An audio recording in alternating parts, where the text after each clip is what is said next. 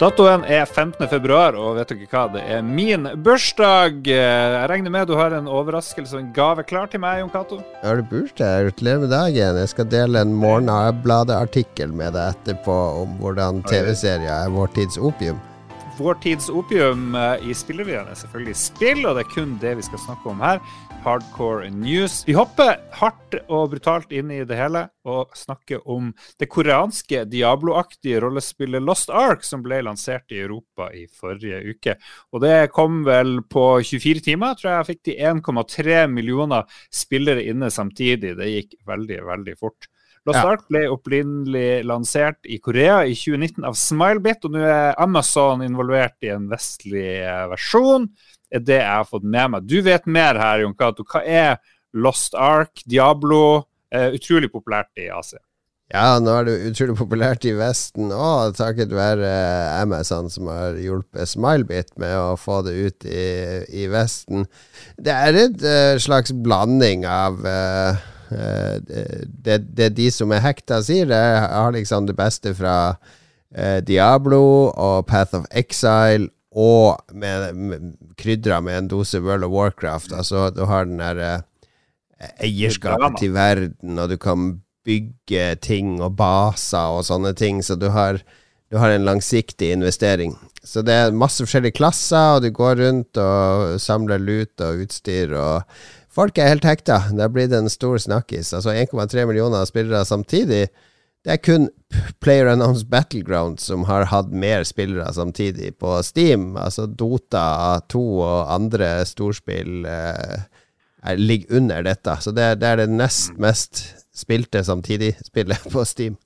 Ja vel, og det skjedde veldig veldig fort, så kanskje kommer de nå til å slå alle rekorder, virker det? Ja, det skjedde voldsomt fort. Det er tydeligvis mange som har venta på det. Altså hjelper det selvfølgelig at spillet er gratis. Uh, det er jo noe med disse asiatiske spillene som kommer, det her har vi snakka om før, eh, at det kommer stadig flere spill fra Asia, Kina, ja. Korea eh, som fenger det vestlige publikum. Eh, vi hadde jo et spill oh, Hva heter det? Jernteppe. Husker du Genshin det? Impact. Genshin Impact, ikke sant? Det gjorde de ganske bra i Vesten. Og nå har du Lost Ark, og dette det disse spillene også gjør, er jo at de får vestlige spillere til å akseptere gratisspill. Fordi sånn generelt så har vi jo vært litt sånn skeptiske til gratisspill her i Vesten. Ja. Mens uh, filosofien er helt motsatt i Asia. Der er de mer skeptiske til spill du må kjøpe up front. For det er bare Hæ, hvorfor skal jeg gi Nå blir jeg lurt. Jeg må gi fra meg Herregud, vi er jo ganske dumme her i Vesten. Vi gir fra oss 850 kroner for å, å spille et PlayStation 5-spill usett det, altså Blir du skuffa, så har du ingen mulighet til å levere det tilbake. Mens i Asia så syns de det er helt fair. Uh, gi meg det gratis, og så kan jeg gjerne betale for diverse ting i spillet etter hvert. Hvem er det her Smilebit? De snakka vi om sist, så det korttidshukommelsen din eh, Det er kanskje at du har bursdag og drukker champagne og sånn, men de, det er også de som har det spillet Crossfire eh, ja, X, som er kommet nå nylig, som ja. kanskje er verdens største spill. Det har i hvert fall over én ja. milliard spillere. Det skal litt til for å slå det. Uh, så, så, de er jo en gigantisk uh, aktør borti Asia og Korea. Og Lost Ark kom de med i 2019 opprinnelig. Og det er nok også en del av suksessen at de har kunnet ha et spill som de har uh, bygd ut og stabilisert og på en måte perfeksjonert over tre år. Før de lanserer det i Vesten. Så de lanserer det som en komplett pakke, og ikke som en slags uh, sånn early access. Uh, det kommer masse, bare hold ut med, med den nedstripa versjonen. Det er et tonn av innhold der allerede. Vi tar og går rett videre på at 190 000 spillere har signert en underskriftskampanje på change.org for å få refundert Battlefield 2042. Underskriftskampanjen sier at Electronic Arts og utviklerne Dice ikke har klart å holde det de lover. Spillet ble lansert med en rekke kritiske feil og bugs, og masse innhold er utsatt på ubestemt tid. Blant annet så har de som har kjøpt sesongpass f.eks.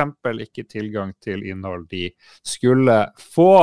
Og eh, det her høres ut som en ting for f.eks. For Forbrukertilsynet. Her bør eh, noen trå til og støtte folk som ikke får det de er lova.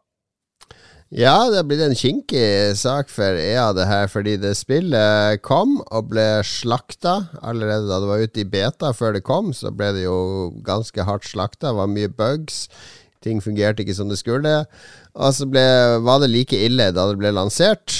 Uh, så spillere har jo flykta fra det. Det er jo så vidt jeg skjønt, så er det et ganske dødt spill nå. Det er, det er, liksom Det er ikke nok spillere til å holde serverne oppe. Og her har EA et dilemma, for de har solgt en masse sånne storutgaver av spillet til spillere som nå forventer en hel sesong med masse nytt innhold. Uh, skal EA da, da, bruker penger på å utvikle masse nytt innhold som blir spilt av noen få tusen mennesker, eh, og ja. fikse et spill som er såpass havarert? Det skal enormt mye til for at EA klarer å få det her opp og gå og bli akseptert, fordi det, det er liksom yesterday's news allerede det, bør vi gå lengre? Bør vi forlange fra våre politikere eller fra system, i hvert fall i Norge, å si at uh, sånne her ting Hvis vi kjøper en TV som ikke fungerer, så får vi pengene tilbake, og det er helt greit. Men spill, så er det helt egne regler. Bør man ikke ta det her videre på noe vis? Jo, det, det er uh, vi, vi, er jo et land mellom produkt og Eller en opplevelse, en kulturopplevelse og et produkt. Altså Hvis du går på museum og blir skuffa, så kan jo ikke forlange å få inngangspengene tilbake. Jeg, jeg, så i katalogen, jeg trodde dette var noe annet enn den, den uh, museumsopplevelsen jeg fikk. Uh, jeg tror ikke de har hold i det. Det samme hvis du går på kino og syns filmen var helt ræva. Så, Nei, men hvis lyden ikke fungerer i Korrekt, hvis lyden ikke fungerer, men da er det heller ikke filmskaperne sin feil. Men i dette tilfellet så er det jo snakk om å lage et, teknisk, et produkt som teknisk ikke leverer det det skal, og eh, der, eh, der det er så mye feil at opplevelsen blir veldig lite tilfredsstillende.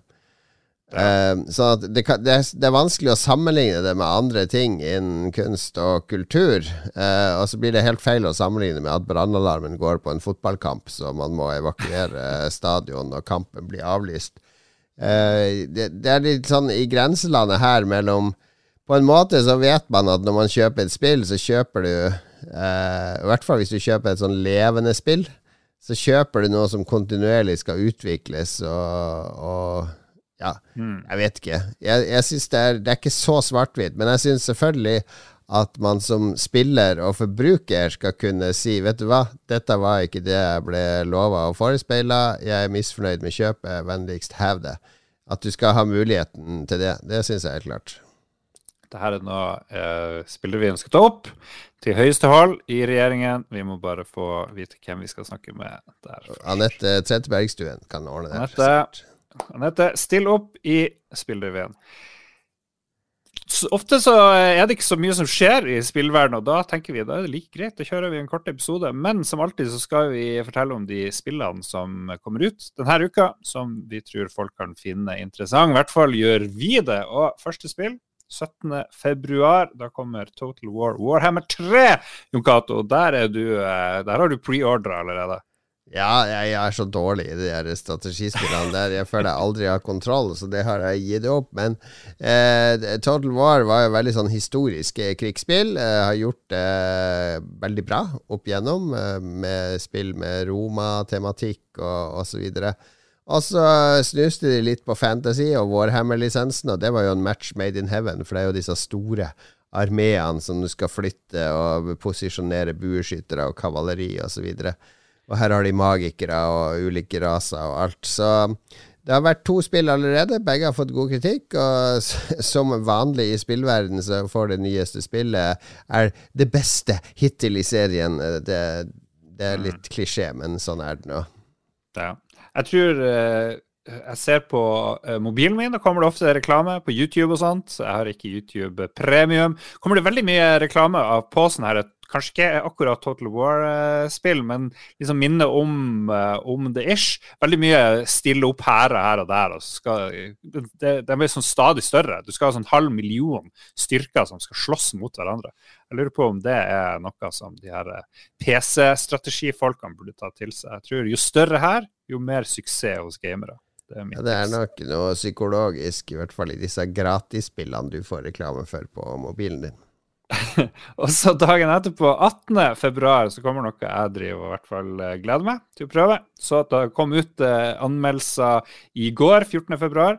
Horizon Forbidden West, oppfølgeren til et spill som jeg tror har solgt 20 millioner eksemplarer. Uh, Zero Dawn heter vel det første. Ja, Horizon Zero Dawn het det første. Det kom PlayStation 4-spill, og også PC kom det vel på mm. for et års tid siden. Og er jo Guerrilla eh, Games, heter de studio i Nederland. Som egentlig de er, de er, kanskje en av de mest teknisk kyndige utviklerne på, på PlayStation. De er jo en first party-utvikler til uh, PlayStation, eid av Sony. Ja. Og de var vel også deres motor, som Hidio Kojima brukte i Death Stranding. Så de er ja. veldig dyktige sånn teknisk. Jeg har vært på besøk i det studioet i, uh, i uh, Amsterdam. Ja. Og, veldig eh, tekniske dører der, sikkert. Alt var teknisk. Nei, men de er veldig sånn De har sånn demo De er sånn demoskapere på Amiga, ikke sant? Mm. De er veldig flinke til å utnytte hardwaren. Eh, ja, og tyne ting ut av hardwaren som andre ikke klarer. Og det klarer de jo med PlayStation 5 òg, for det spillet ser jo helt uh, smashing ut. Uh, det fortsetter historien fra det første spillet. Du er samme hovedperson, og nå, som nå har blitt uh, berykta og berømt og skal redde verden uh, i enda større grad enn i det første spillet. Uh, og så er det anmeldelsene ute. Det har fått uh, en god del niere, men så har det også fått både Eurogamer og gamer.no hadde ganske mye kritikk å komme med. Ja. Relativt saklig kritikk, vil jeg si.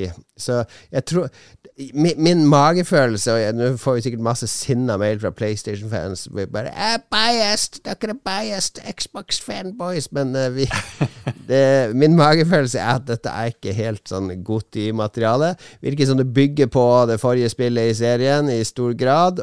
Og uh, kanskje ikke har den der uh, wow-faktoren som du fikk i det forrige.